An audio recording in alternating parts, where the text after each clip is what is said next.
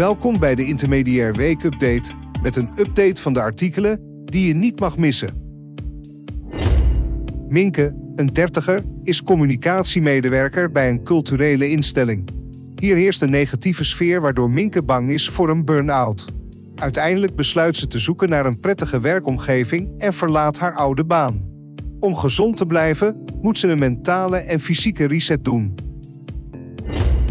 Paul de Beer stelt dat het kabinet het probleem van vrouwen in deeltijd te veel overschat en dat er meer onderzoeken zijn die aantonen dat mensen in deeltijd tevreden zijn met hun situatie. Ook heeft Agmea de beslissing genomen om werknemers minder te laten werken met behoud van salaris en hiermee verdeling in de zorgtaken te vergemakkelijken. Volgens Van Ekeren is het belangrijk dat werknemers voldoende tijd hebben om hun werk- en zorgtaken te combineren. Europese landen hebben wetten waarmee werknemers het recht krijgen om onbereikbaar te zijn. In Nederland is hierover gesproken, maar zonder meerderheid. Vakbonden proberen de afspraak ook via cao's te maken, wat onder meer gelukt is in de gehandicaptenzorg. Om de naleving van de regel te waarborgen, worden er afspraken met je werkgever en met jezelf gemaakt. Startende ondernemers hebben vaak minder ervaring en kennis, waardoor er meer risico is op aansprakelijkheidsclaims.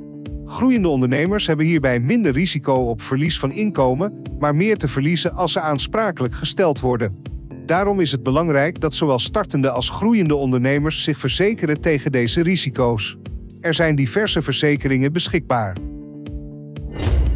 AI-toepassingen zoals ChatGPT en BART zullen de arbeidsmarkt aanzienlijk veranderen met nieuwe beroepen zoals prompt engineer. AI kan ongeveer 300 miljoen banen in de westerse wereld vervangen, maar biedt ook kansen. Bots maken werk aangenamer, sneller en efficiënter, vooral door het automatiseren van repetitieve taken. Hierdoor komt tijd vrij voor creatievere taken. Sectoren die het eerst door AI beïnvloed worden, zijn onder andere logistiek, productie, zorg, onderwijs, financiën en detailhandel.